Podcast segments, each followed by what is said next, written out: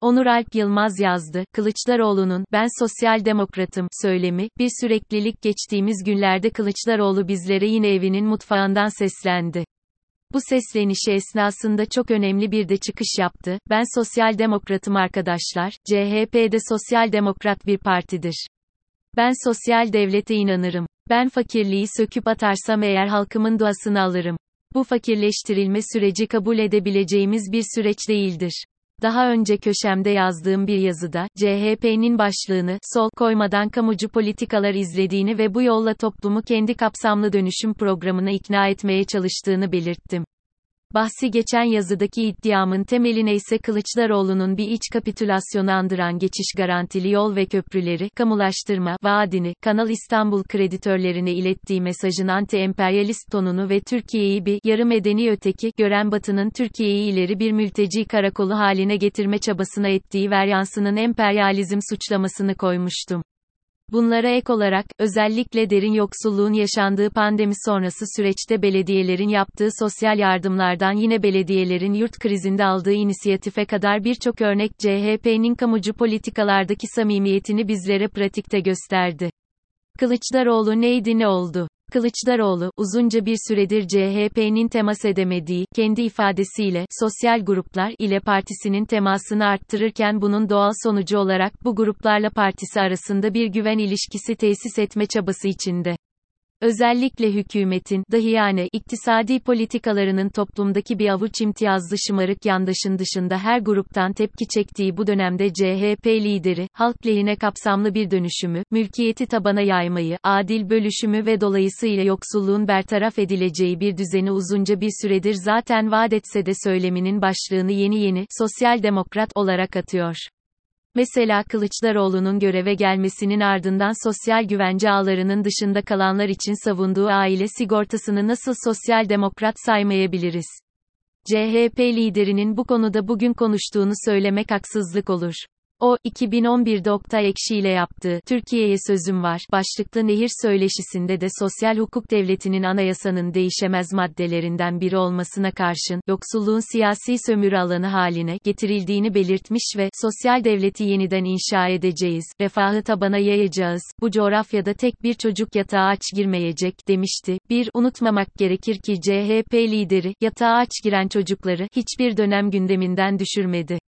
Ancak Kılıçdaroğlu, Türkiye'de refahın ve büyüme hızının görece yüksek olduğu, iktidar partisinin farklı kimliklerle diyalog kurduğu ve henüz kadro hareketinden tam manasıyla bir kişi örgütüne dönüşmediği bir dönemde partisinin başına geldi.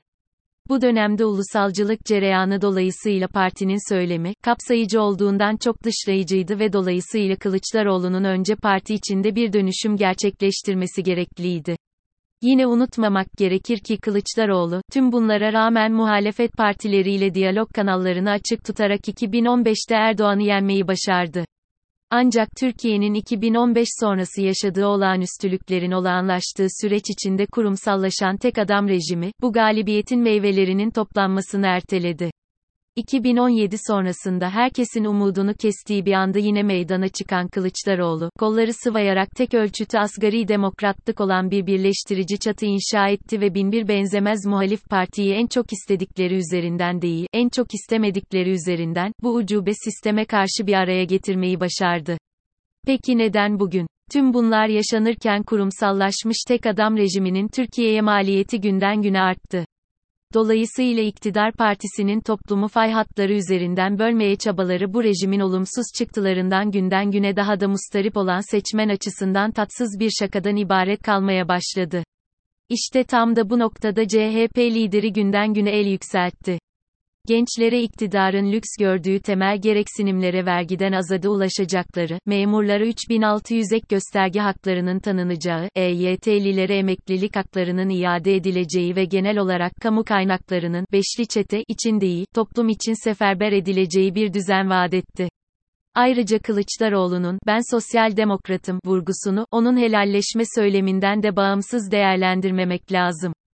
Nokta. Halal getirmemek için helalleşmek, yazımda belirttiğim gibi, CHP liderinin temel amacı AK Parti sonrası sürecin olası toplumsal barışına yeniden fay hatlarının kaşınarak halal getirilmemesi.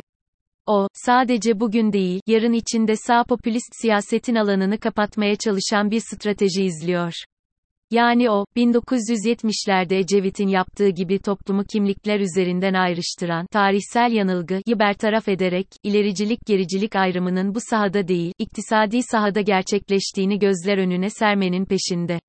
Dolayısıyla, gerici olanı Türkiye'nin tüm kaynaklarını 3-5 kişiye peşkeş çekenler olarak kodlarken, kendisinin ve partisinin sosyal demokrat kimliğini hatırlatarak, kamu kaynaklarını halk için seferber edeceğini belirtip, ilericilik anlayışını da ortaya koyuyor.